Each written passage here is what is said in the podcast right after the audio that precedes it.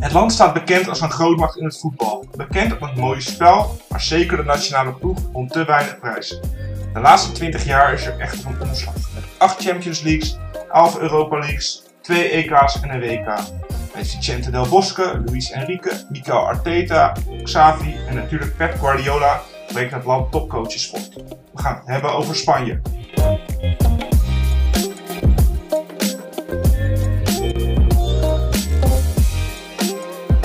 De Football Managers United podcast.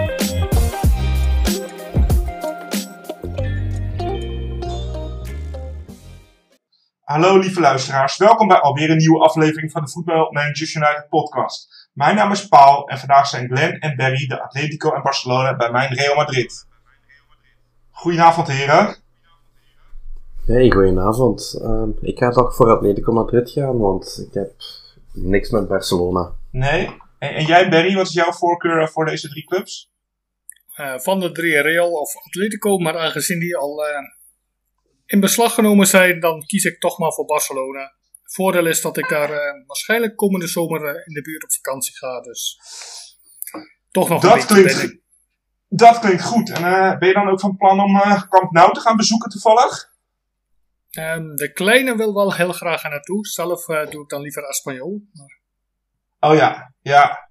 En wie gaat het winnen denk je thuis? ik denk dat het beide worden. Oké, oké. Nou, dat is een, eh, een goede Ja, ik- deal. Ik zou alleen Espanyol doen, want eh, hij heeft u net een beetje problemen bezorgd. Dus eh, als straf geen Camp Nou. Nee, we hadden wat, we, we hadden wat eh, verbindingsproblemen net. We zijn denk ik een half uur aan de gang geweest om eh eh, verbinding met elkaar te krijgen. Maar het is gelukt. Het Hoge Noorden, België. eh ah nee, Limburg hè, Barry? Inmiddels wel, ja. Maar oorspronkelijk Oh, ja. wel uit Hoge Noorden.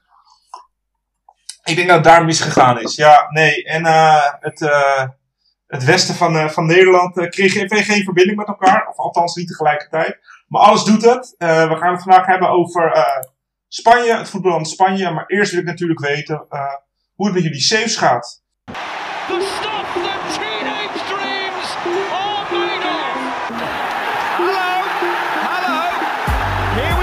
Onze eigen saves. En ik denk dat Glenn het langst niet geweest is. Maar dat weet ik niet aan mijn hoofd. Maar Glenn, jij mag in ieder geval beginnen met je save. Vertel op, wat heb je uitgesproken in voetbalmanager? Yes, eh, ik heb eigenlijk een beetje moeite gehad om een draai te vinden.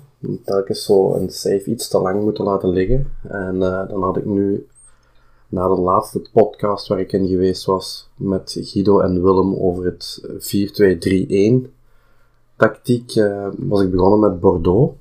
En in het eerste seizoen meteen de promotie weten afdwingen naar eh, de Ligue 1. Daar ook meteen een derde plek. En dus ook Champions League voetbal om dan in het derde seizoen al kampioen te worden. Ondertussen ook een, een mooie ploeg opgebouwd. En dan in het vierde seizoen jammer genoeg geen kampioen, omdat PSG een beter doelsaldo had. Ehm, ik was wel Dat een beetje uitgekeken Dat is zuur. op... eh, ja, dat is inderdaad zuur. Maar ik was er een beetje op uitgekeken, op het Franse voetbal. En had ik een overstap gedaan naar Atalanta. Die waren denk ik negen of achtste geëindigd. En ehm, in mijn eerste seizoen daar heb ik, ben ik tweede geëindigd en de Conference League gewonnen.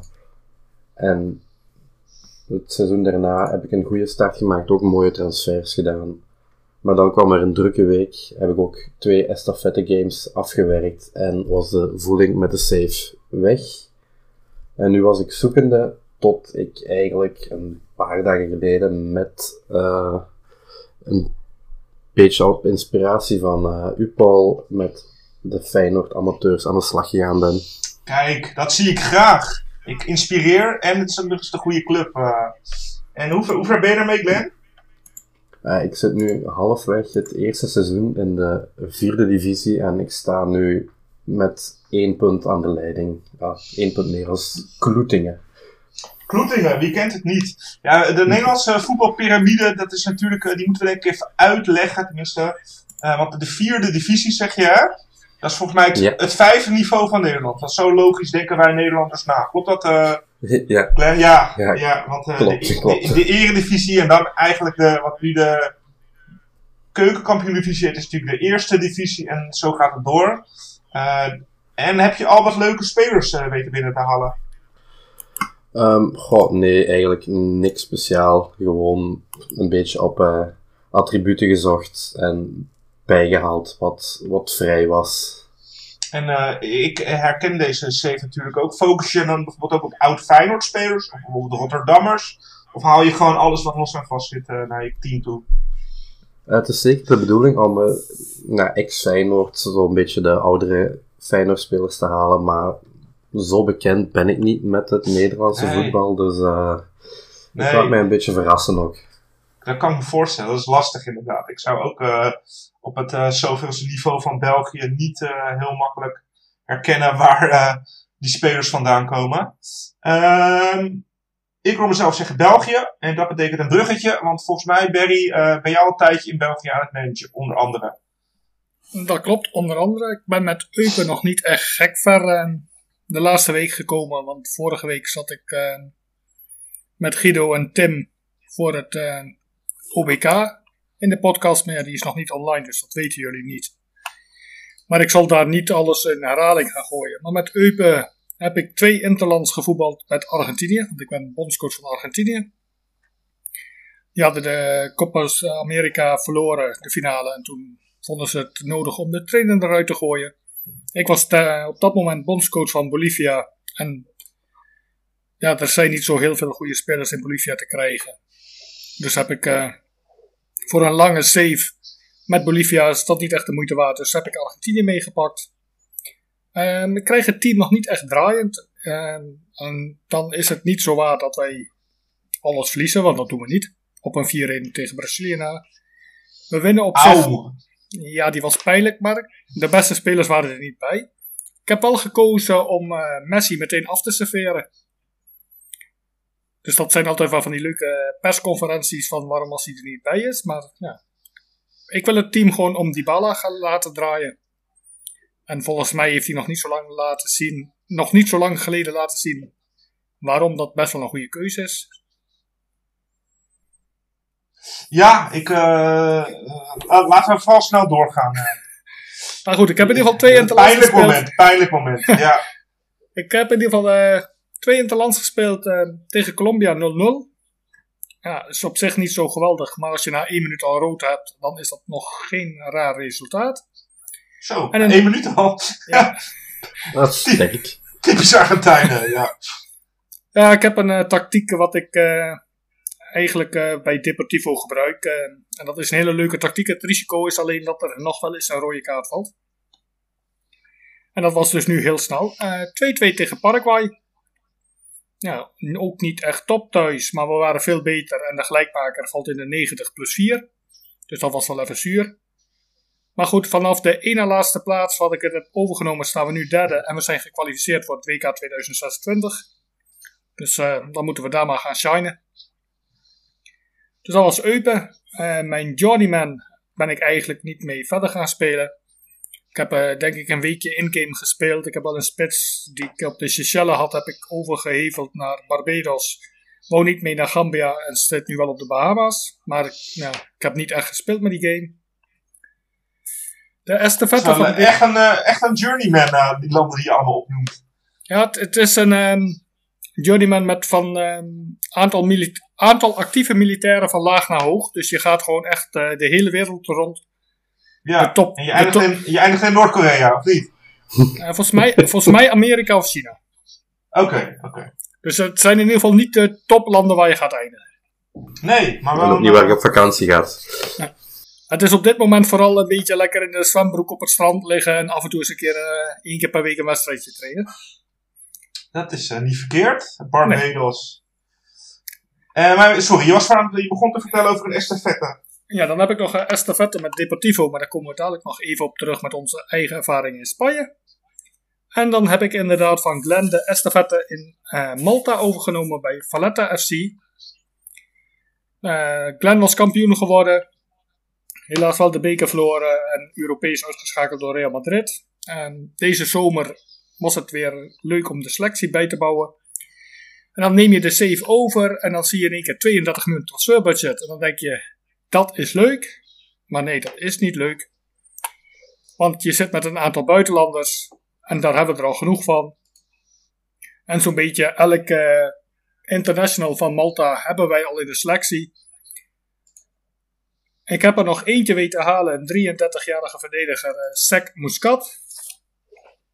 Een 17-jarige rechtsback die in Servië rondhuppelt. die zit liever daar op de bank dan dat hij bij ons in de basis speelt. En een 33-jarige middenvelder uit uh, Portugal bij Nacional. Die kon ik voor anderhalf miljoen overnemen, maar zelf zag hij de stap naar Malta nog niet zitten. Ik heb nog een aantal buitenlanders eruit gegooid en een aantal er opnieuw uh, weer naar binnen gekregen. Dus we lopen vooral met wat buitenlandertjes rond. Die zijn ook gewoon de startspelers van het team. In de competitie is het niet echt spannend. Want uh, even kijken, ik heb uh, de eerste competitiewedstrijd was een 10-0 overwinning, gevolgd door een 8-1, een 7-0, een 11-0, een 9-0, een 2-0 en een 3-0 overwinning. Waarbij de 2-0 overwinning uh, eigenlijk uh, volledig B-team was, omdat ik een belangrijke wedstrijd in Europa had. Dus de uitdaging is voornamelijk Europa. En dan begin je in de eerste kwalificatieronde van de Champions League. We hoeven, in ieder geval niet, we hoeven in ieder geval niet de eerste voorrondes te spelen. Want die heb je ook nog, de eerste en tweede voorronde. Het welbekende Valmira uit Letland was de tegenstander. Wie kent ze niet? Nee, ik had er nog nooit, Ja, ik had er nog nooit van gehoord. Ik ook niet. Nee, ik ken één club uit Letland. En dat is volgens mij... Nee, dat is denk ik Litouwen. Dag Lipa, ja. Want daar heeft Feyenoord ooit een keer tegen gespeeld. eh, in de middeleeuwen. Maar eh, Letland is mij niet... eh, Letland. Welke clubs heb jij in Letland? Nee, ik ken geen clubs. Ga door. Nee, ik ook niet. In ieder geval een eh, twee keer 4-0 overwinning was voldoende om door te gaan naar de volgende ronde. Toen kregen we wel een tegenstander waar ik in eerste instantie best wel een beetje schrik voor had. Budoknost Podgorica uit eh, Montenegro. Dat was trouwens wel een naampje wat eh, een belletje deed ringen. Ja, maar ze altijd wel een goede jeugdopleiding hebben, denk ik. Eh, daar ken ik ze, denk ik, van. Altijd even kijken of er nog wat talent rondloopt. Uit, uit wonnen we met 3-0. De twee- 2-0 heb ik nog gedeeld op het forum. Dat was een bal van een meter of 40 wat als voorzet bedoeld was. En ik weet niet wat hun keeper dacht. Maar die ging er helemaal onderdoor. En je zag de bal zo heerlijk langzaam het netje inrollen. Thuis eh, wonnen we met 6-0. Dus uiteindelijk eh, was de angst totaal niet terecht. Dan kregen we in de derde kwalificatieronde eh Sheriff Tiraspol uit Moldavië. En dan vind ik het heel Die ken ik wel. ja, dat is een best bekende naam. En ik keek op de selectie, want blijkbaar hebben we Moldavië in de save ingelaaien. Bij de hele eerste selectie zit geen enkele Moldaviër. Dus ik weet niet hoe ze dat met die inschrijfregels doen. geen flauw idee. Maar, Volgens de, mij zijn er niet zo'n strenge regels. ja, maar bij Champions League moet je toch vier eh, eigen jeugd en acht spelers eh, wat in het land heeft gespeeld.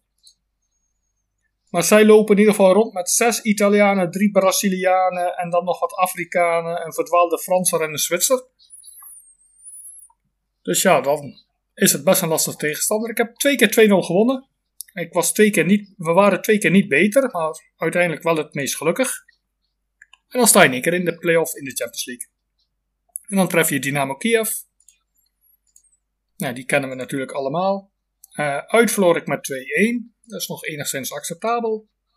Na 90 minuten in Valletta stond het ook 2-1. Dus werd het verlengen. Kiev kwam op 2-2. Maar wij maken drie minuten voor tijd de 3-2. En via penalties hebben wij ons geplaatst voor de hoofdronde van de Champions League. Nice, dan komen er miljoentjes veel mooi. binnen. Nou, je hebt natuurlijk de miljoenen al, maar dan komen er nog meer miljoenen binnen. En dan krijg je de loting. Uit naar Sparta Praag. Uit naar Villarreal. Thuis tegen Paris Saint-Germain. Uit naar Chelsea. Thuis tegen Lazio. Thuis tegen Hertha BSC. Uit naar Bayern. En dan mag degene die het van mij overneemt. de kwalificatie veiligstellen met thuis tegen Napoli en uit naar Bayern München. Dat is een makkie. Jeetje mina, van dat je alle, alle top 10 landen van Europa, eh, eh, clubs van De Europa opgenoemd. competitiefase winnen. Maar ik denk dat Guido na u komt, dus dat komt goed. Nou, ik, ben- ik ben er bang voor, want ik heb inmiddels een beetje doorgespeeld. En met een 0-0 in Praag en een 1-0 nederlaag in Villarreal eh, ziet het er niet Oei. zo heel goed uit. Maar dan moet ik wel zeggen, Villa- Villarreal staat na zes wedstrijden bovenaan in Spanje. Met, met 18 punten, dus het, is, het zijn geen koekenbakkers. Je bent eh, lekker actief bezig in voetbalmanager. Laten we het daar maar op houden. Eh, dat ben ik ook. Met die van jou? Ja, ehm, ook bezig met een estafette, maar daarover horen jullie volgende week alles. Daarvan kan ik op dit moment niks over. Met de Er komt Ajax, daar een eh, podcast over, ja? zeker. Ehm, Oh, mooi. met de Ajax amateurs ben ik eh, op 1 september 2036 aanbeland. Inmiddels vijf keer op rij kampioen. Een aantal KVB-wekers, vier om precies te zijn. Ik ben één keer tweede geworden in 2033, dus die heb ik even gemist. Nog steeds twee Conference Leagues. Eh, een Youth League zie ik nu staan, dat wist ik echt helemaal niet. Maar die heb ik blijkbaar ook gewonnen. Althans, mijn jeugdteam. Een aantal Johan Cruijffschalen. Dus het, eh het prijs, eh, of het trofeeënkabinet is aardig gevuld. We hebben ook een totaal saldo van meer dan 100 miljoen. Eigenlijk is het voor mij een beetje toewerken naar die Champions League winst. En ik ben opnieuw uitgeschakeld, ja, jullie geloven het niet, door Tottenham Hotspur. Dat is eh, natuurlijk het echte Ajax ook gebeurd in dat hele goede, mooie, voor Ajax supporters jaar. En het is heel pijnlijk uitgeschakeld door Lucas Moura, die even drie keer scoorde. Bij mij ging het iets minder pijnlijk. Al moet ik wel heel erg zeggen dat ik dacht dat ik door was. Ik speel uh, voetbalmanager vaak in de late avonduren, omdat dan mijn vriendin op bed ligt en mijn dochter slaapt. En eh, ik dacht dat ik uit met 4-1 gewonnen had en thuis met 3-1 verloor, of andersom. Eh, maar het scheelde één doelpunt, dus ik lag eruit, terwijl ik dacht dat ik door was. Ik dacht, hé, hey, waarom komt die halve finale niet? Want ik, eh, toen ging ik eens goed kijken, toen zag ik dat de uitslagen een beetje in mijn nadeel waren. Dus ik haal wel steeds de kwartfinale van de Champions League, eh, verder komen wil nog niet echt lukken. Ehm, ja, ik kan namen gaan noemen, maar ik heb vorige keer ook gezegd, ik heb alleen maar new gens. Dus ik kan vertellen hoe geweldig verliefd ik ben op Julio Garza, of hoeveel, Pierre, Jean-Pierre Costa, overigens Spanjaard, scoort. Of wat voor geweldig keeper Lucas Bicic is. Maar daar hebben jullie niet zo heel veel aan, want jullie kennen ze niet. Uh, want ik ken ze ook niet, dat zijn new gens. Ik heb wel een Belg, speciaal voor Glenn, Max Meerveld. En dat is een uh, linksback die ook rechtsbuiten kan voetballen. Een soort Belg met een identiteitscrisis. Um, vooral mentaal en fysiek uh, blinkt hij uit, maar ook uh, technisch is hij ja, gewoon heel kundig. Um, en voor welke club komt hij? Hij kwam van Anderlecht. En hij, nou, jammer. En hij spreekt net zo goed uh, Vlaams als Max Meerdink? Ja, nou, hij spreekt Nederlands, Frans, Engels en Duits. Hij komt trouwens uit Leuven, dus dat is op zich wel, tenminste, ja, hij is geboren in Leuven, uh, deze New Gen, dus dat is wel leuk voor Erik. Want uh, Erik is. Ja, uh, daar, kan ik me ook nog wel in vinden. Ja, die is natuurlijk werkzaam bij OHL. En zijn persoonlijkheid is onverwoestbaar. En dat vind ik wel, daar hou ik van. Max Meerveld, ik wil hem toch even genoemd hebben. Hij is overigens geen basisspeler.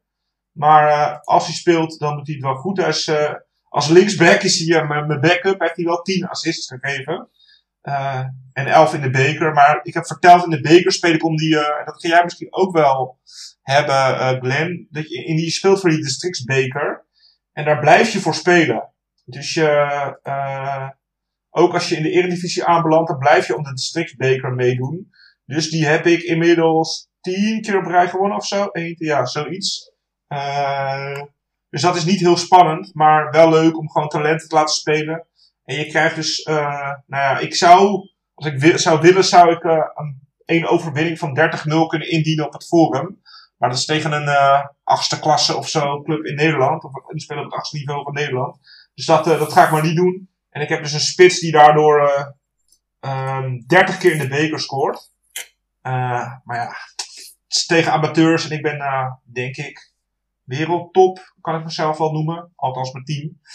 Dus voorlopig nog wel lol met de Ajax-amateurs eigenlijk. En eh, over de estafette horen jullie volgende week meer. Dan gaan we door naar het onderwerp, want we hebben voor Spanje. It's just the most extraordinary scenario you could have dreamt of. The unthinkable unfolds before our eyes. Het thema van de week. En Spanje eh, heeft eh, vier speelbare niveaus eh, in voetbalmanager. Dat is de Primera División, de Segunda División. En dan twee niveaus daaronder. Dat is de Primera Federación en de Segunda Federación. Sorry voor mijn Spaanse uitspraak. Ik heb mijn Spaans een beetje laten verslonsen. Sinds ik niet meer in Sinterklaas geloof. Ehm, ik ga jullie als eerste wat vertellen over de Primera División. Want eh Barry heeft wat ervaring op het derde en het vierde niveau. Eh, en ik heb alleen ervaring in de Primera Division. Dus ik begin heel, heel onbeleefd met mezelf. Eh, je speelt 38 wedstrijden. Het is gewoon een regulier programma. Dus je speelt één keer thuis en één keer uit. Eh, tegen elke club. Bij een gelijk aantal punten. Eerst onderling resultaat. Daarna pas het doelsaldo. Als dat gelijk is, gescoorde doelpunten. En dan de fair play regel. Dus get stuck in. Ehm, moet je niet eh, aanzetten in de Premier Division, want dan eh, kom je met fair play in de knoop. Ehm, de recordkampioen is Real Madrid. Die zijn 35 keer kampioen geworden. Eh, eigenlijk in de jaren 50, sinds de jaren 50, elk dec- decennium drie keer. Waarbij wel even gezegd moet worden dat er in de jaren 60, 70 natuurlijk niet een hele fijn, fijne man aan de macht was in Spanje. Althans, dat vind ik. En eh, dat was Franco en die had nog wel wat te zeggen over Real Madrid. Dus eh, toen was het ook gewoon niet toegestaan zo ongeveer voor andere clubs om kampioen te worden. Eh, daar is eigenlijk verandering in gekomen toen El Salvador vanuit Amsterdam naar, naar Barcelona kwam, Johan Cruijff. En die heeft Barcelona wel redelijk op de kaart gezet. Ehm met 26, nou, niet sinds Cruijff 26 titels. Is hij natuurlijk niet altijd bij betrokken. Ehm, de nummers 18, 19 en 20 degraderen rechtstreeks. En de nummers 1 en 2 uit de Segunda Division promoveren. Eh, en de nummers 3 tot en met 6 in de Segunda Division. Die eh, spelen een play-off om te bepalen wie er als derde promoveert. Ehm, ja, wa- wat kan ik zeggen over de beste spelers in eh voetbalmanager? Ja, P3, Rodri. eh, ja, noem ze maar op. Jongens, wat zijn jullie favoriete Spaanse voetballers? Goh, goeie vraag. Dan eh, ga ik toch eh, voor ehm Paul Lopez. Ik geloof dat hij bij Villarreal speelt. Of dat- speelt hij daar nu totaal niet meer? Is dat die keeper? Nee, een verdediger. Ehm heet die Paul Lopez? Ik ga het even opzoeken. En jij, Barry, wat, eh, jij hebt natuurlijk een beetje in Spanje rondgebanjeerd. Eh, wat, eh, Ik ben wel een fan van Nico Williams. Van eh Atletico Bilbao. ja, het broertje van toch? Een broertje van, een groot talent. Ja, het is gewoon een weet je, op de vleugel aanvallende middenvelder. Ik vind het een, ja, gewoon een heerlijk spelletje. Klinkt goed. Ja, ik eh, noem ook graag Ik bedoelde dus eigenlijk Pau Torres. Pau Torres, ja. Oké, en die speelt niet meer in Spanje, denk ik, toch? Die speelt, speelt die... Die speelt bij Villarreal. Oh, wel bij Villarreal. Een Ja, linksbenige wel. centrale verdediger. Klopt. Ja, en Frans Sol mogen we natuurlijk niet vergeten. Zeker. Eh, ja, bij Barcelona. Wie heb je bij Barcelona op dit moment rondlopen? Sinds Messi vertrokken is het natuurlijk allemaal een klein beetje minder. Althans, dat vind ik. Eh, ik denk dat je in voetbalmanager echt nog wel met Barcelona leuke successen kan boeken met eh, Lewandowski. Nou, Dembele zal net als in het echt behoorlijk eh eh, blessuregevoelig zijn. Je hebt natuurlijk het feit dat je een beetje moet gaan nadenken over wie Sergio Busquets moet gaan opvolgen. Maar daar hebben we een leuke Nederlander voor die dat kan gaan doen. Frenkie de Jong. Eh, een van de sympathiekste Ajaxiden, eh, vind ik zelf. Volgens mij is hij ook voor Feyenoord. Is dat niet het verhaal dat Frenkie de Jong voor Feyenoord is? Ik word graag gere- re- gerectificeerd als dat eh, niet zo is. Maar Barcelona is ik een beetje een rebuild project. En dat ga je natuurlijk bij Real Madrid ook krijgen. Met een oude Modric en een oude eh Re Tony Kroos. Dat zijn wel spelers die je op een gegeven moment moet gaan vervangen. Ehm, dus daar ligt wel een beetje de uitdaging. Ehm, we gaan straks even vertellen over onze eigen ervaringen in Spanje. Ehm, maar ik wil nu het woord geven aan Glenn, die iets gaat vertellen over de Segunda Division. Ja, een eh Segunda Division, eh, La Liga Smartbank genoemd ook. Eh, daarin zitten 22 clubs. Je speelt daarin 42 wedstrijden en persoonlijk vind ik dat een, een heel ja, lang seizoen en een zwaar seizoen, denk ik, om daarin eh, te managen. Dus daar zal het doorbijten in zijn. Ehm, de laatste vier degraderen erin. De rechtstreeks promotie is voor de nummer 1 en de nummer 2. En zoals Paul al uitlegde, speelt de nummer 3 tot en met 6 voor players om eh, de derde promotieplek. Ehm, ook in eh, de tweede klasse hebben we recordkampioenen en dat is Real Murcia. Heb ik ook ooit een, eh, een save mee gehad, bedenk ik me net. En dan verder is het opvallend dat ook eh, Real Betis, toch wel bekend als eerste klasser, ook zevenmaal de tweede klasse gewonnen heeft. En het ooit grote Deportivo La Coruña heeft zelfs ook vijf keer eh, de tweede klasse gewonnen. Dus niet echt de clubs die je daarin verwacht als de vele kampioen, veel kampioenschappen gehad hebben, omdat we die allemaal kennen als eerste klassers natuurlijk. En dan hebben we ook nog een paar opvallende clubs in eh, de tweede klasse. Dat is Andorra. En ik denk een hele leuke voor een beetje een eh, land- en clubsave van te maken. Dat is de club van wel. Piqué, toch? Ja, klopt. De club van Piqué. Heeft ook nog ergens een, een hele nieuwe competitie bedacht. En daar ook nog eens een club bij. En dan ook nog Shakira bedriegen. Druk leven heeft die man. Zouden we allemaal wel willen, Shakira bedriegen. Althans, ik wel. Zij is oud trouwens, wisten jullie dat? Ja, tenminste, ik ben natuurlijk een jonge god. Maar Shakira is echt eh, tien jaar ouder dan Piqué of zo. eh nee, ik dat wist ik eigenlijk niet. Nee, ik, ik wist het ook niet. Maar zij is echt eh, redelijk op leeftijd. Je moet ervan houden. Eh, maar Piqué Dat ik geen eh, nee tegen zeggen. Nee, nee, ik ook niet hoor. Nee, als dan stonden vriendinnen naast te huilen, zou ik er nog. eh maar nee, je hebt een mooie vrouw. En, maar goed, la- laten we vooral vreemd gaan, niet goed praten op het, in deze podcast. Bedrieg nooit je vriendin als je 16 jaar bent en je elke week naar de FMU-podcast levert. Wees gewoon lief, koop een bosje bloemen. Ehm, want wij eh, supporten hashtag vreemdgaan niet. Maar je was nog met andere opvallende clubs eh, bezig, Glenn. Of andere mooie clubs yes. op het tweede niveau. Ja, dan hebben we ook nog Levante, Zaragoza, Malaga, Las Palmas. Toch ook wel clubs die in eerste klasse een naam gemaakt hebben. En dan ook nog Tenerife, of die veel in eerste klasse gezeten hebben, dat weet Ja, ik niet. is, het zijn voor mijn Maar- gevoel zijn dit allemaal inderdaad de Primera Division clubs. Nu kunnen natuurlijk maar 20 clubs in de Primera Division spelen. Maar in mijn jeugd speelde zeker Zaragoza. Speelde trouwens toen nog Europees voetbal. Ik meen ook een keer tegen Ajax. En Malaga eh, speelde echt wel. En Deportivo natuurlijk. eh, die speelden echt allemaal wel op het, op het hoogste niveau. Dus Bij er zijn denk Malaga, ik zat, ge- bij Malaga zat toch ook dat grote geld even tijdelijk. Ja, eh, en dat is denk ik pas een jaar of tien geleden. Dat is helemaal niet zo lang geleden. Maar het, eh, het kwam eh, te voet, het ging te paard, het geld ongeveer. En daar heeft natuurlijk ook nog wel een redelijke Nederlandse enclave gevoetbald. Met onder andere Joris Matthijssen, Ruud van Nistelrooy. Dus Malaga is inderdaad een lekkere ijsmaak, maar ook een, een goede voetbalclub geweest. Alleen nu even niet meer. Wel mooie shirts volgens mij, lichtblauw, wat ik me kan herinneren. Dus als je een eh, voetbalshirt fetishist bent, dan is eh, Malaga misschien wel een aanrader. En eh Boven- er mogen ook boven- de rivieren is Malaga trouwens bekend als boerenjongens. Als ijsmaak. boe- Oh ja, oké, nou. Eh, weer wat geleerd, boerenjongens. Daar zit een beetje drank in, toch? Of niet? Ja, maar dat zit als goed is ook in Malaga.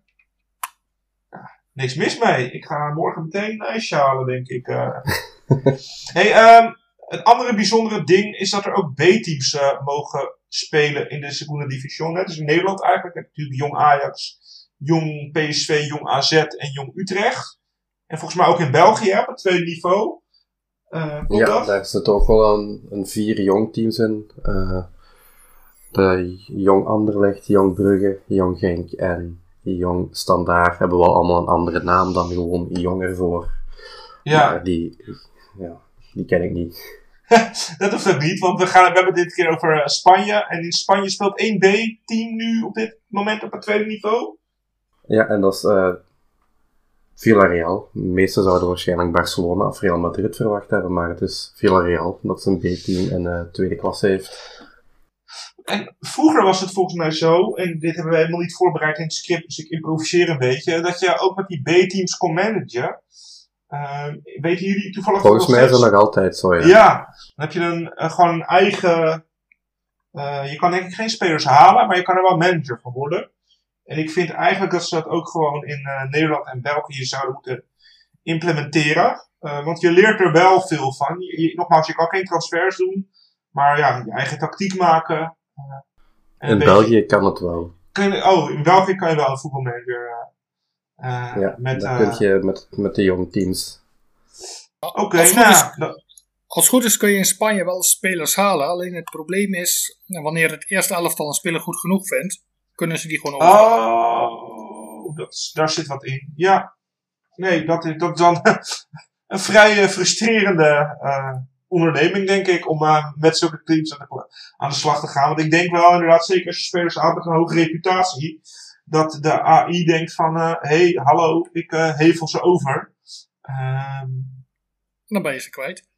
dan ben je ze kwijt, ja. En dan is het niet zo makkelijk om, zo net als in Nederland, kan je spe- spelers onder de 23 natuurlijk onbeperkt opstellen. Maar in eh, Spanje doen ze daar toch eh, anders over. Zijn er echt twee losse elftallen. Je kan wel overhevelen, maar dat gebeurt niet heel erg vaak volgens mij. Ehm, dit zijstapje genomen hebbende, eh, de twee niveaus daaronder. Barry, zou jij daar wat over willen vertellen?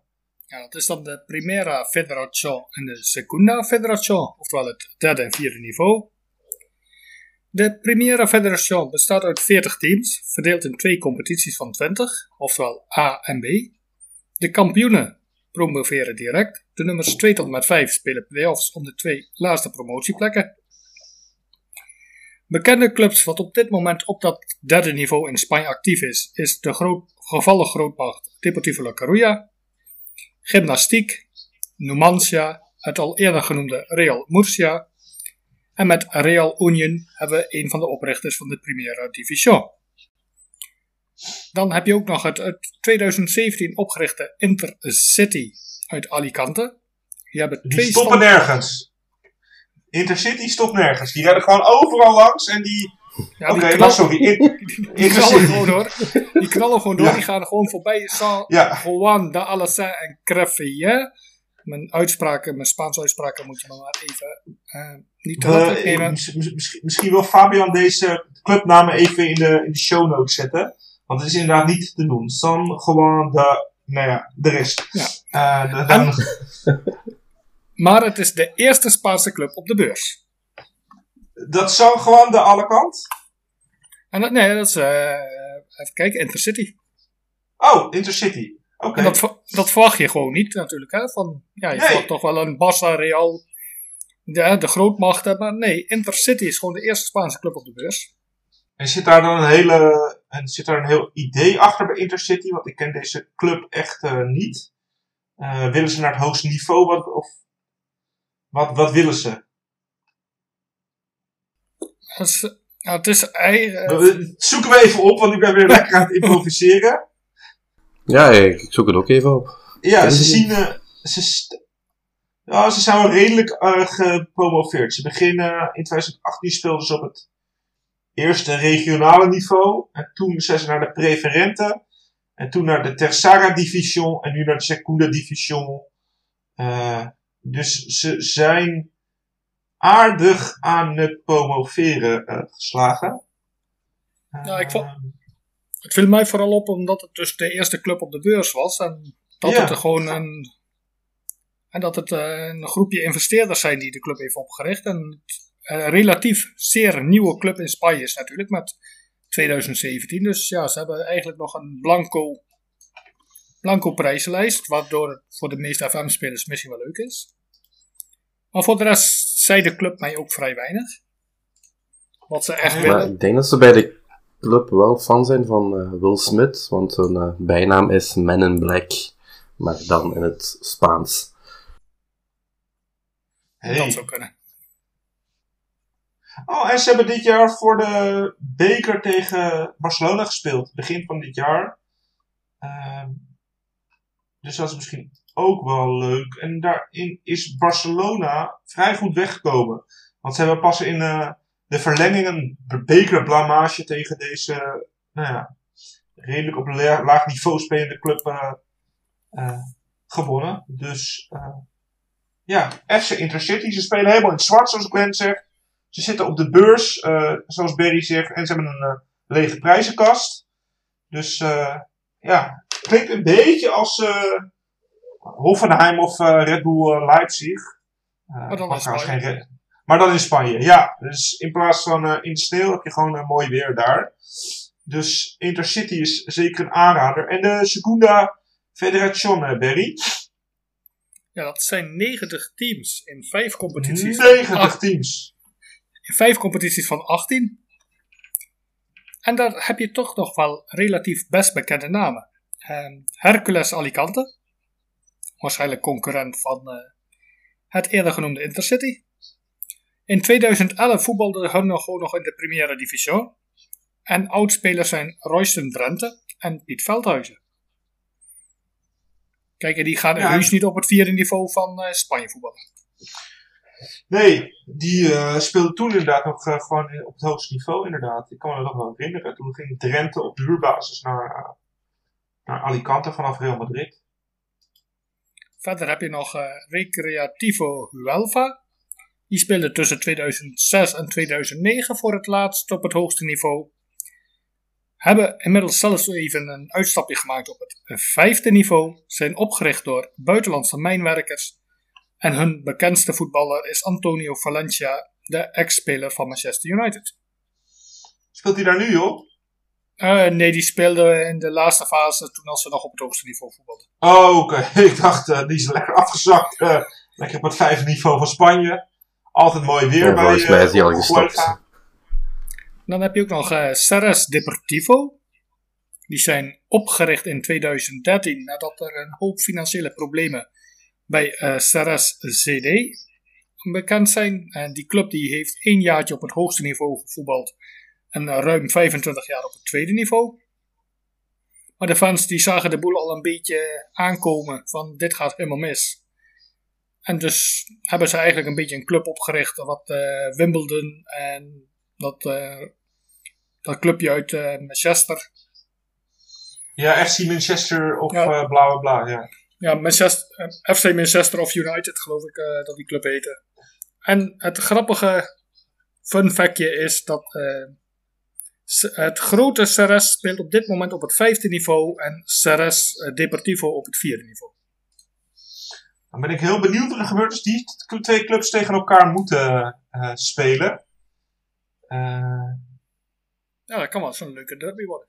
Ja, Xeres tegen Xeres. Ja, een beetje wat ik natuurlijk ook heb met de Ajax amateurs en Ajax. Althans, dat, die verhaallijn probeer ik wel een beetje in mijn safe te houden. Ehm, dus ja, nee, dit lijkt me een duidelijke opsomming. En dan heb je ook nog eh Melilla. En dat is nog mij de club waar eh, Koen, onze Koen Special, manager is. En daar is wel iets bijzonders mee aan de hand, toch? Met Melilla.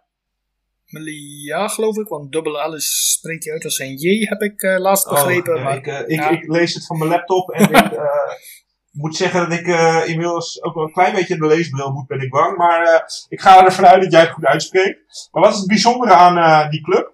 nou, het is de Spaanse enclave in Marokko. Ja, Eén van, de, in- één van de twee. Ja, in, in- ja, je hebt dus gewoon een stukje Spaans, voor de mensen die niet weten wat een enclave is. Je hebt een stukje Spaanse grondgebied in Marokko. En daar voetballen deze twee clubs. En is het dan ook zo dat je heel veel Marokkaanse nieuwgens krijgt? Misschien moeten we die vraag aan Koen gewoon stellen. Maar weet, je, weet een van jullie dat? Eh, wat ik uit de eerdere podcast toen heb gehoord, eh, blijkbaar niet. Oké, dus je krijgt wel Spaanse, Spaanse clubs komen daar eh, in door. En wat ook nog opvallend is op het vierde niveau, is dat het C-team, oftewel het derde team van Real Sociedad, daar actief is. Zo. Dat is het derde. te- Oké. Nice. En eh, dat is het enige C-team wat zo hoog voetbalt? Dat is op dit moment het enige C-team wat, op de- wat zo hoog voetbalt inderdaad. Wauw. Oké. Ook wel eh, leuk om daar tegen te moeten spelen, denk ik. Dat is in korte lijnen eh, hoe het Spaanse voetbal in elkaar zit. eh, hoe de voetbalpyramide werkt. Glenn, heb jij eh, ervaring met het managen in Spanje? Eh, ja, eigenlijk voor mijn eerste ervaring in Spanje moeten we toch al teruggaan naar eh FM 2007. Ehm, ik had ervoor wel heel vaak eh, CM4 gespeeld, maar dan eigenlijk een beetje kwijtgeraakt. En opeens zag ik in, op de hogeschool in de aula dat er een, een, een managementspel gespeeld werd. En dat was dan FM 2007. En natuurlijk moest ik die game dan ook hebben. En was ik een game begonnen met Atletico Madrid. Toen nog met eh, Sergio Aguero, die nog als Kun Aguero door het leven ging toen. Oeh, Was nog een echt wonderkind. ja. Torres liep er ook nog rond. Dat is een lekker duo Ehm, eh, voorin. Ja, klopt. Ik ik heb er ook alles mee gewonnen, als ik het mij goed kan herinneren. En ja, die club en die, die, die game hebben mij dan eh terug verslaafd gemaakt aan eh voetbalmanager. En ik denk dat ik in FM 20 dan nog eens terug in Spanje gespeeld heb met eh Celta Vigo. Ook alles mee gewonnen met die club, maar dat is dan een redelijk korte save geweest, want eh, Spanje vind ik niet de leukste competitie om in te starten. En vooral met eh, het lower league management heb ik het moeilijk in, eh, in Spanje. Ik heb het wel geprobeerd met Real Murcia. Daar ben ik ook wel in de eerste klasse mee geraakt, maar daar nooit verder mee geraakt. Dus eh, Spanje is voor mij het land van de, de korte games met snel succes en dan door naar het volgende. Oké, en ja, Berry, je hebt natuurlijk al over verteld, over estafette, maar wat zijn je andere ervaringen met managen in Spanje? Ja, de estafette heb ik nog niet heel veel over gezegd, hè. daar kom ik dadelijk nog even op Nee. terug. En ja, heel vroeger, en dan moet je echt naar de Championship Manager Series eh, terugkeren, had ik heel vaak Real Madrid als sidegame. En ja, sidegame niet echt een save ernaast, maar dat was dan echt, eigenlijk echt gewoon eh, twee managers aanmaken in één save. Ik speelde destijds heel vaak met Groningen, om die naar terug echt gewoon wereldtop te maken. Maar dat kost tijd. Maar ik wou dan wel met de topspelers werken, graag met geld smijten, de grote spelers aantrekken. Dus dan maakte ik meestal even een tweede manager aan, wat dan een toevallig familielid is die totaal niet bekend is met het spel. En die werd dan trainer van Real Madrid. Dus ja, dat was dan, nou ja, dan praat je eind tiener, begin jaren twintig van mijn leeftijd, zeg maar. Dus lang, Heel lang geleden. Ja. Heel lang geleden. Ehm, ja, ik heb ook eens met Atletiek de Bilbao gespeeld, omdat ik dat wel leuk vond dat ze puur met die Baskische eh, spelertjes eh, rondhuppelen. Dat is wel een uitdaging. Dan moet je het met name hebben natuurlijk van je eigen jeugd. En Ja, hopen dat- dat... er ergens anders een leuke bas doorbreekt. Ja, en ook op dit moment lopen daar dus best leuke spelers rond, maar echt een lange game heb ik er niet mee gespeeld. Daarna is Spanje eigenlijk een beetje afgedwaald in mijn eh, gedachten. Eh, komt eigenlijk meer omdat ik eh, ja, het gezinsleven destijds. dan komt er een kindertje komt er voorbij. De computer wordt steeds trager. mijn, mijn main saves leven dan maar doorspelen. En dat was toevallig niet in Spanje. Uiteindelijk, ehm, ja, sinds vorige zomer heb ik een nieuwe laptop en begint het spelen in één keer een stuk leuker te worden. En zit ik dus nu in die estafette game met Deportivo La Coruña, beginnen dus op het derde niveau. Waardoor we meteen kampioen zijn geworden. Ehm, we zijn daarna blijven, eerste seizoen op het tweede niveau blijven hangen met de zevende plek. Daarna wel kampioen. Ehm, daarna op ehm, de rentree op het hoogste niveau meteen derde geworden. Heb ik niks, aan, eh, niks mee te maken gehad. Dat waren andere spelers. Ik nam het over na, dat, eh, na die derde plek in het eerste seizoen. Dan denk je, ah, leuk, Champions League. Mooi transferbudget. Nee, heel weinig transferbudget. Dus het was een drukke zomer, lange zomer. Heeft ook langer geduurd dan ik eigenlijk gehoopt had. Maar uiteindelijk staat er een leuke selectie. Een selectie die het iedereen moeilijk kan maken. Maar hij is niet breed genoeg. Niet breed genoeg voor een heel seizoen uh, hoogste niveau. Na 18 wedstrijden staan we derde. Ik heb uh, drie keer verloren. Real, Barça en Atletico. En Real heb ik vorige week al gezegd. Dit kwam heel lang leuk mee. Maar een rode kaart uh, gooide een beetje roet in het eten. En met negen man was het helemaal geen doorkomen meer. Barça was helaas. Maar komt bij de kant op. En Atletico trof na een nederlaag in de Champions League. En die profiteerde daar heel goed van. Drie gelijke spelen.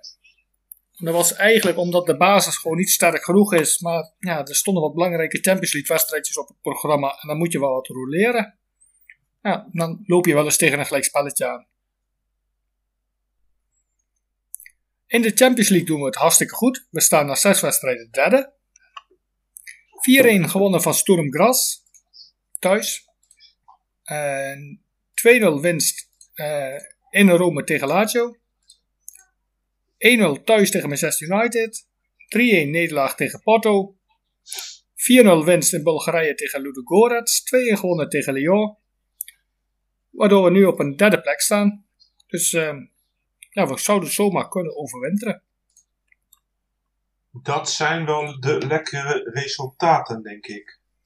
En de grote man bij ons, ja, ik kan hem niet vaak genoeg noemen, ik kan het niet vaak genoeg op het forum delen.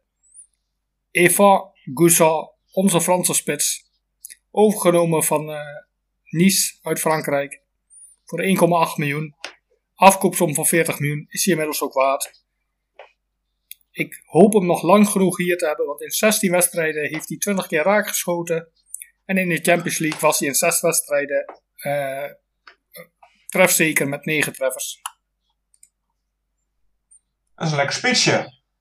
Ja, uh, qua attributen helemaal niet de beste die we hebben. Ook echt niet de beste in het spel, maar hij presteert gewoon super.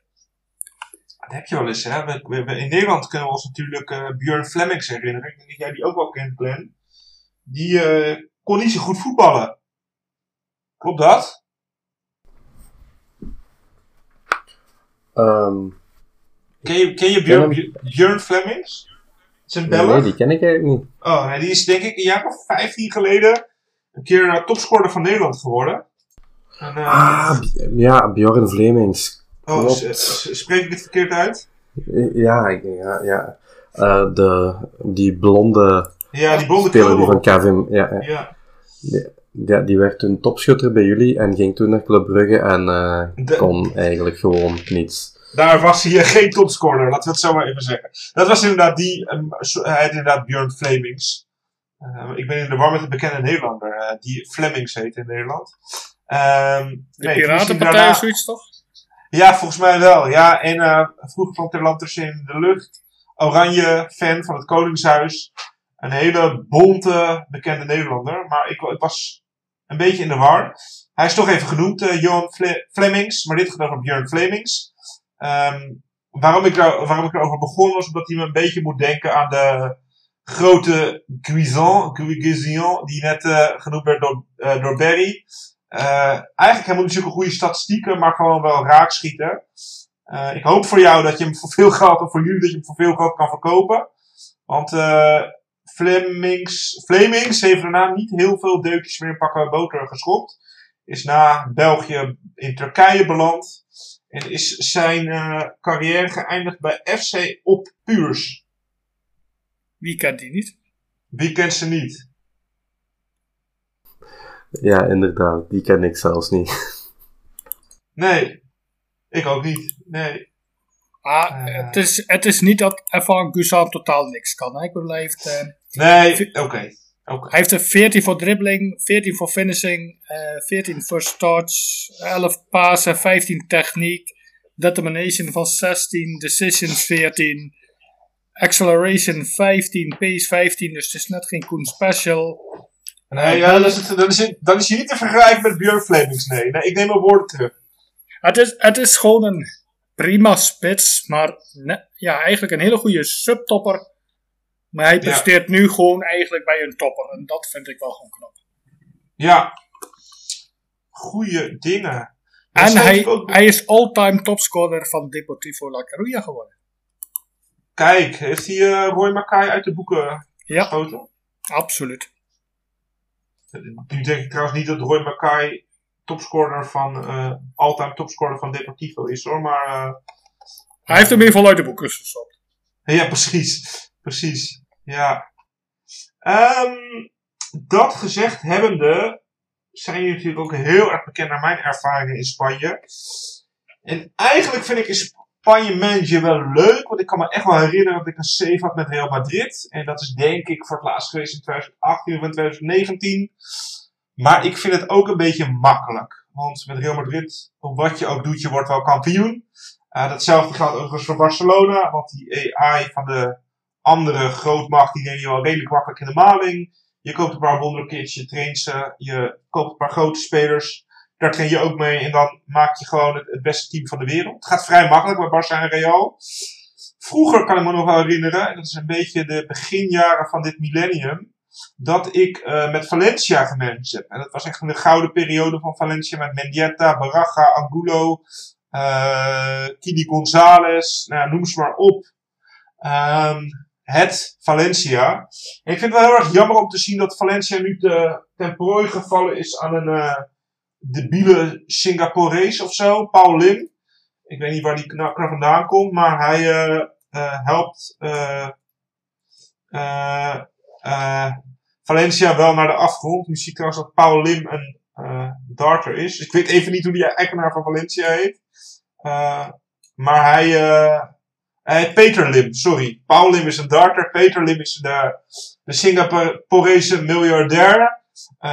Die eigenlijk ervoor gezorgd heeft dat de financiële situatie van Valencia niet rooskleurig is. Ze hebben een schuld. Staat daar zo geen nieuw stadion ondertussen ook, dat niet gebruikt wordt of zo? Is dat zo? Nou, ik, de schuld heb ik wel. Uh, uh, opgezocht. Dat is 1,4 miljard euro. Uh, volgens mij, wat ik even kan vinden. Nee, ze bieden voor heel veel schuld. Dus dat, is, dat schiet niet heel erg op om daar nu te gaan managen. Maar misschien is het wel heel erg leuk. Ehm, en dat is mijn ervaring eigenlijk een beetje in Spanje. Ik doe er elk jaar wel iets mee. Even een korte save met Barça of met Real. Maar misschien moet ik eens wat, wat vaker en wat, wat meer gaan managen. Ik denk dat ik wel een keer aan de slag ga met Intercity. Of met Andorra, want dat vind ik zelf wel hele leuke teams. Uh, en dat heb ik geleerd van deze podcast. Want dat kunnen gewoon in deze podcast. Wij inspireren mensen om uh, aan de slag te gaan in voetbalmanager met deze clubs. Um, even kijken, want we moeten ons wel een beetje aan het script houden. Anders krijg ik ruzie met Guido die wij overigens uh, heel erg missen. Kort samengevat, het is een sterke competitie, aansprekende clubs en voor ieder wat wils. Je kan natuurlijk met de hele grote clubs aan de slag, maar je kan ook gevallen grootmachten, die we eigenlijk allemaal wel genoemd hebben, uh, die weer bovenop brengen. Uh, de Baskische uitdaging, die heeft Berry genoemd. Nou, dus, dus dat je alleen bij Atletico Club de Bilbao mag je alleen Baskische spelers halen. En wat wij van de podcast eigenlijk wel heel erg aanraden altijd, en zeker in de eerste afleveringen deden we dat, is clubs aanraden die op eilanden voetballen. En die heb je in Spanje natuurlijk in overvloed. Want je hebt Real Mallorca, Tenerife, Las Palmas. Dat zijn de bekendste clubs. Maar ook het feesteiland Ibiza heeft een, een club. Atletico Baleares, Formentera, Ibiza, nog een keer Ibiza op het vierde niveau.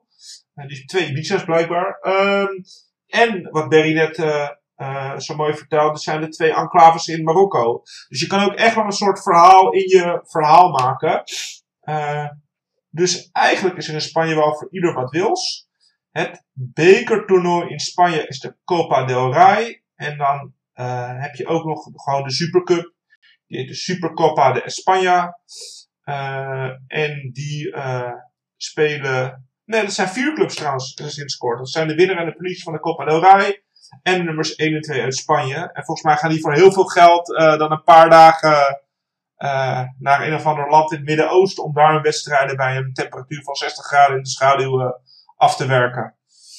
Ehm, Ik wil trouwens wel heel even off script gaan. Ja, waarom niet, hè? Oh, ja. Dat En dan even met jouw verhaal over Valencia. Ja? Je had daar vroeger wel echt twee geweldige voetballers rondlopen. En dan heb Aan- ik het over Sanchez Rodriguez.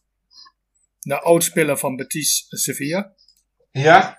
Die voetbal nog steeds overigens, toch? Eh, volgens mij inderdaad wel weer bij Betis. Ja.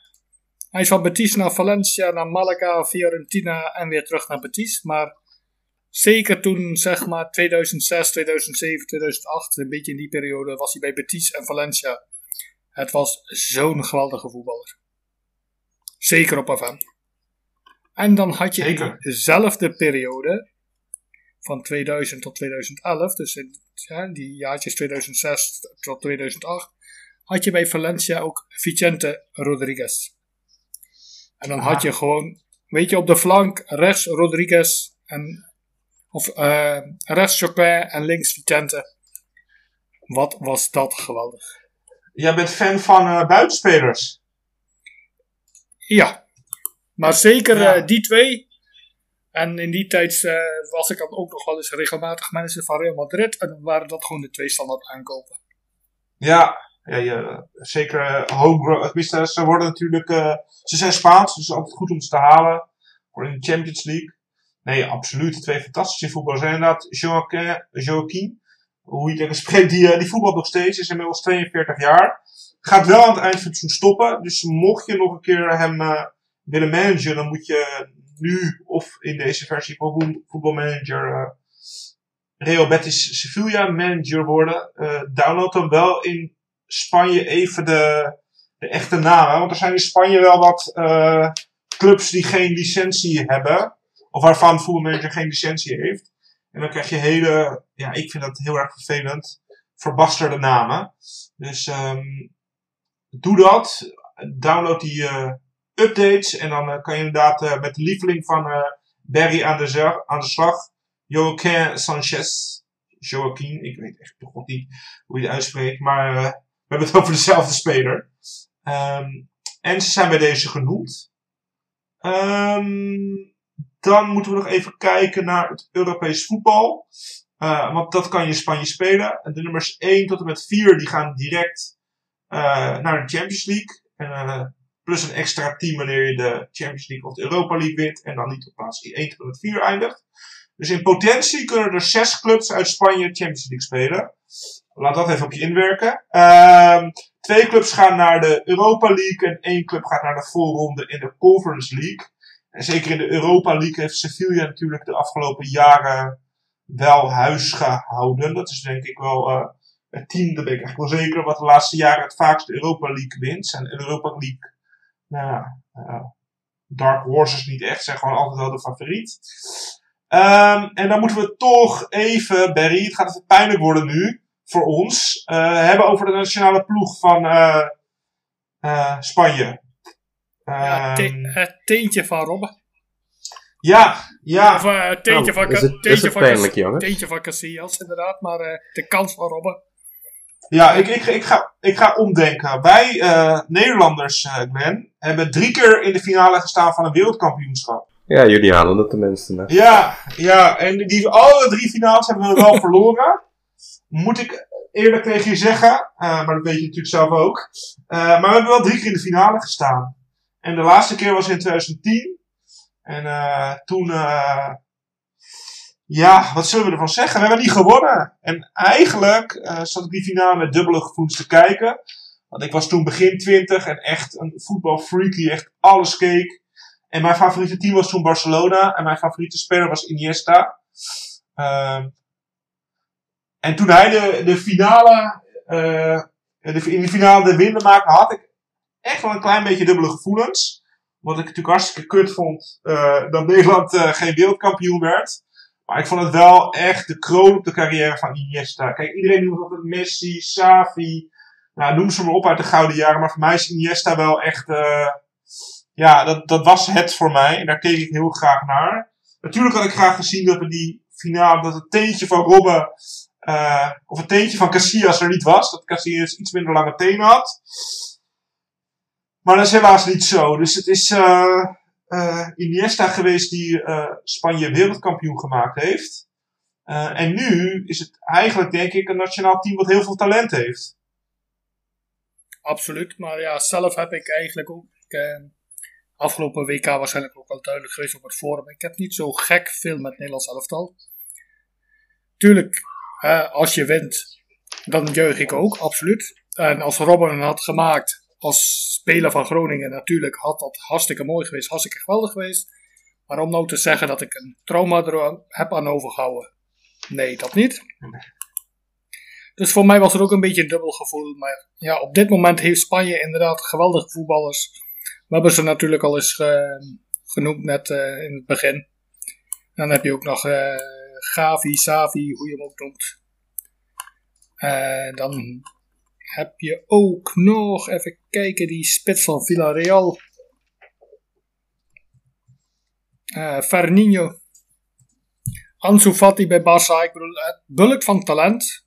Dus ik denk dat er als voetbalmanager kunnen we dat Spaanse topniveau echt wel weer aan gaan tikken. Zeker.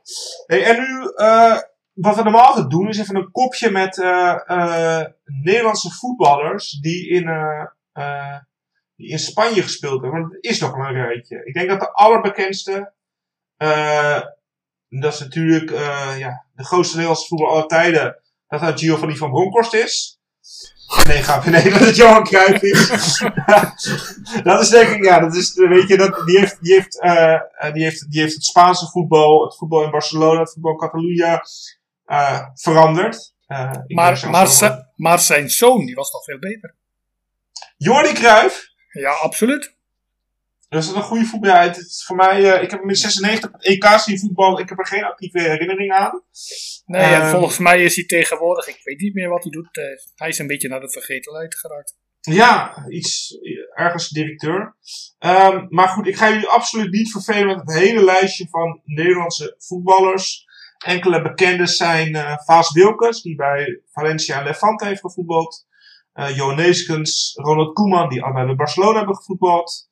Ehm, verder zie ik nog staan, we hebben net al genoemd, Roy Mackay, die bij Deportivo heeft gevoetbald. Ruud van Nistelrooy, die bij Real Madrid en Malaga heeft gevoetbald. De lijst is eindeloos. Wesley Sneijder, eh Clarence Seedorf. En nou ja, toch bij Barcelona, die kunnen we wel allemaal even opnoemen. Eh Boudewijn Zende, Michael Reiziger, Mark Overmars. eh, Patrick Kluivert. Patrick Kluivert, ja. eh Winston Bogarde en de gebroertjes De Boer. Eh, en in de categorie kent u deze nog, heb ik onder andere hier staan Yassine Abdeloui. Die bij Vallecano heeft gevoetbald. En nu zijn geld verdient eh, op een iets andere manier dan met voetbal. Ehm Jimmy Floyd Hasselbeck. Zeker, ja, ook. Eh Klaas-Jan Huntelaar. Ja, we- het is nu eh, natuurlijk eh, Frenkie eh, de Jong die de, die, de, die de kaart trekt voor ons in eh, bij Barcelona. Ik, als ik op het schoolplein loop, zie ik elk jongetje met een Frenkie de Jong shirt. Dus dat is nu denk ik wel de, de bekendste, bekendste Nederlandse voetballer in Spanje. En ja, ook nog een aantal trainers natuurlijk. Eh Rinus Michels, Johan Cruijff, Louis van Gaal en Frank Rijkaard bij Barcelona. Eh Ronald Koeman overigens ook. Eh, Leo Beenakker die Real Madrid een paar keer kampioen gemaakt heeft. Guus Hiddink. Ja, Guus Hiddink niet te vergeten. En ik ga je misschien een beetje overvallen, Glenn. Ik denk ik, zeker te weten dat ik je overval. Hoeveel welke Belgen kan jij je herinneren die in eh, Spanje gevoetbald hebben? Ehm, voor de bekendste spelers zijn natuurlijk eh Toby Alderwereld, die eh, even bij Atletico Madrid gespeeld heeft. Thomas Vermalen bij Barcelona. En dan heb je nu natuurlijk Eden Hazard, die aanwezig is bij Real Madrid. Eh Thibaut Courtois, die daar ja, in, in Spanje echt wel naam gemaakt heeft bij Atletico Madrid en Dat is Real wel- Madrid. is wel een redelijk bekende keeper, ja. Die kennen wij eh, in Nederland ook, uh, Thibaut Courtois. En dan hebben we ook nog uh, Yannick Carrasco, die bij Atletico speelt. En ja, dat zijn dan eigenlijk de bekendste spelers. Dat, dat, dat is niet hele, dat is niet zo'n heel sympathiek mannetje, hè, die Carrasco, of wel? Ehm, goh, hij heeft in de jeugd van Genk gespeeld, dus ik ga er geen slecht Oh, nee, nee, nee, zeggen. sorry. Sorry, nee, ik eh net het verkeerde voor. Hele sympathieke jongen. eh. ja, En dan voor jullie misschien ook bekend, eh, Tom de Mul. heeft ook ooit bij Ajax gespeeld, geloof ik. zeker. En in Spanje bij Sevilla? Bij Valencia staat hier. Oh, Maar- jammer. Daar twijfel ik toch heel sterk aan, eigenlijk. En dan heb je nog eh, Charlie Musonda. Ah, die heeft, eh, Tom de Mul heeft inderdaad bij Sevilla gespeeld en niet bij Valencia. En wie zei jij, eh Barry? Charlie Musonda, die heeft nog bij Vitesse gevoetbald. Oh ja, ja die, eh die voetballen op een gegeven moment Ja, zonder, die- zonder kruisbanden.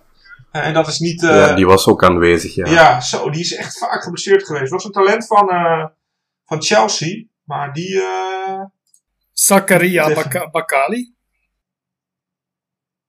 Heeft hij, staat hij er ook eh, onder contract? Ja, die heeft, die heeft daar ook erg, ergens ge- onder contract gestaan. Komt hij toevallig uit, dan- ook uit de jeugd van Genk, of kan ik hem helemaal afvakkelen? Eh, Nee, die, die, die mag je afbreken, ja. Ja, eh, dat is ehm, echt wel een eh, hele bijzondere mentaliteit heeft die man. Die speelt nu bij eh, RKC.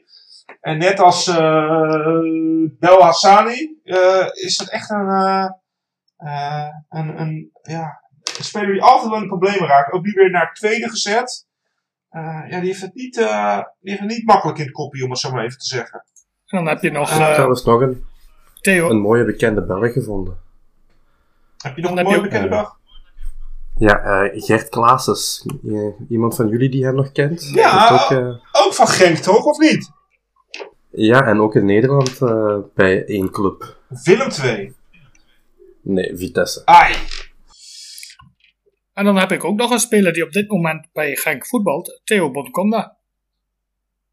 Ja, die speelt eh, bij Cadiz eh, ondertussen. Oh, s- dan is mijn Wikipedia niet eh, up-to-date, maar Ja, die is terug, terug, terug naar Spanje getrokken. Tre- gebruik nooit Wikipedia als bron. hè. Dat is...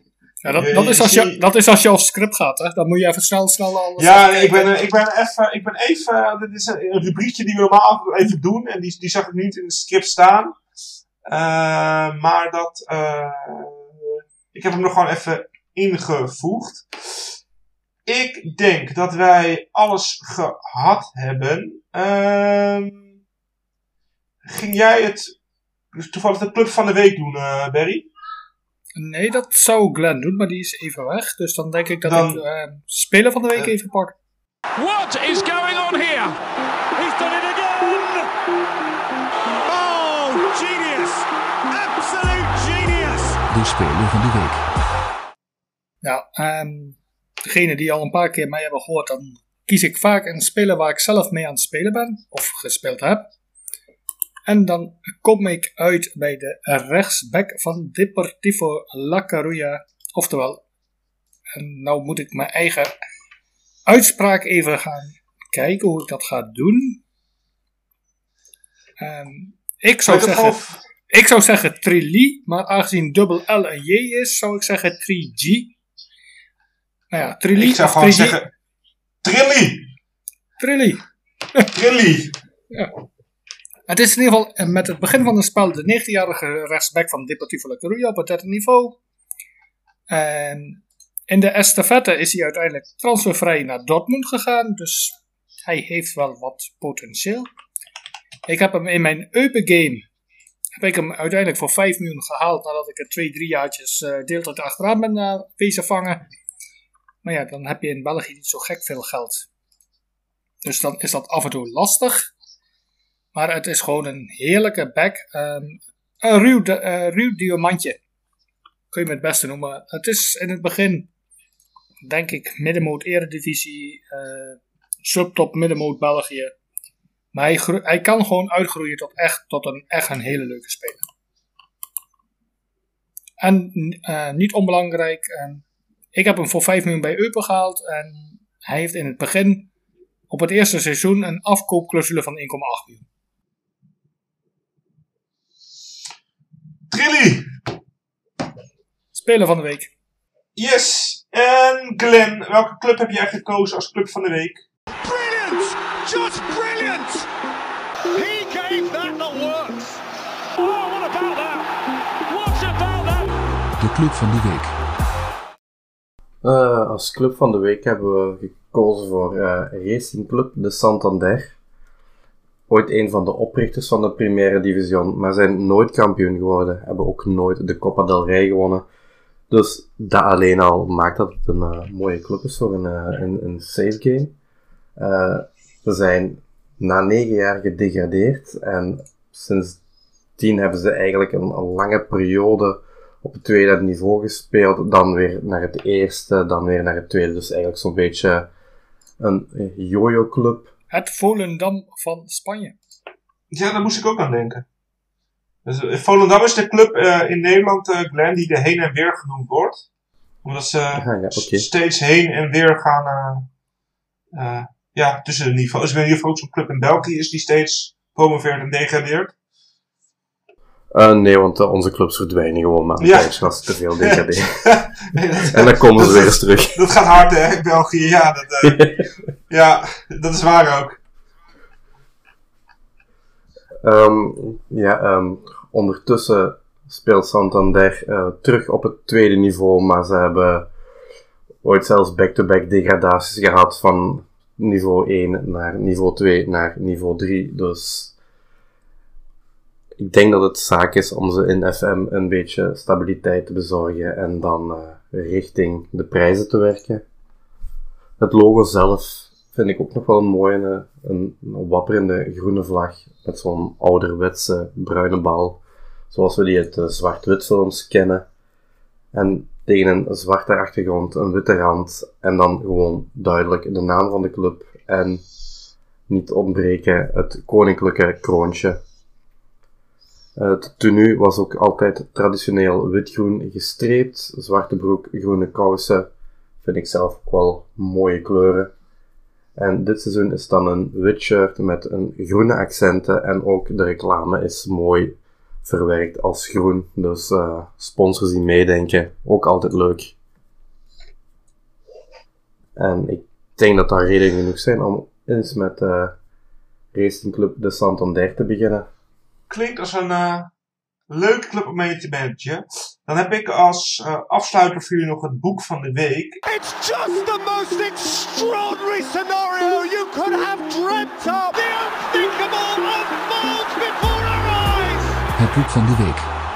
En daarin zijn wij uitgekomen bij een boek van Edwin Winkels. En Edwin Winkels is een Nederlandse journalist die al een tijdje in eh, Barcelona woont. Daar is hij eigenlijk in 1988 is hij daar gaan wonen. En ehm, sindsdien is hij ook, eh, hij schrijft voor een Catalaanse klant, krant. En eh, hij schrijft boeken met name over, eh, eigenlijk over Barcelona. En het boek wat ik gekozen heb is Johan Cruijff in Barcelona, de mythe van de verlosser. Ik We hebben het al een paar keer aangehaald in deze podcast. Dat kunnen we niet, niet vaak genoeg doen voor een van de grootste Nederlandse voetballers aller tijden. Uh, maar in Spanje wordt hij ook echt wel gezien als een verlosser. Dat kwam, nou ja, we hebben het al genoemd over Franco, die uh, toen aan de macht was. En eigenlijk door, nou, ik zal niet zeggen dat Johan Cruijff er voor heeft gezorgd dat, uh, dat Franco afgezet is. Maar die heeft wel een soort van bepaalde mentaliteit meegebracht vanuit Nederland. Als ik de, de verhalen mag geloven. Uh, hij is daar natuurlijk uh, voetballer geweest. Hij is een trainer geweest. En dat boek beschrijft eigenlijk alle, alle facetten van het leven van Cruijff daar in Spanje. En dan met name een beetje de, uh, nou ja, de, de connectie die een, uh, een journalist kan hebben met een voetballer. Want uh, toen Winkels daar ging wonen, kwam Cruijff daar voetballen. Ehm, dus dat, dat loopt mooi synchroon bij elkaar. Ik vond het een mooie titel. Ik heb het boek ook gelezen. Het boek heeft ook volgens mij wel zo'n sportjournalistiek prijs gewonnen. Ik kan even niet vinden nu, maar het is in ieder geval een goed en leuk boek om te lezen. En dat heet Johan Cruijff in Barcelona van Edwin Winkels. Daarmee zijn wij ook aan het einde gekomen, lieve luisteraars van deze aflevering. Mochten wij een foutje hebben gemaakt, wat natuurlijk kan, omdat het gewoon laat is en we alle drie een eh, dag hard gewerkt hebben en we een klein beetje menselijk zijn, uh, geef ons dan feedback. Dat kan via het forum. Dat kan uh, door een mailtje sturen naar podcast.manunited.nl of stuur Guido een DM op Twitter, want ik doe niet aan Twitter. Dus je kan me zoeken tot je naar ons weegt. Maar daar waag ik me niet aan. bedankt allemaal voor het luisteren en tot volgende week. De Voetbal Managers United podcast.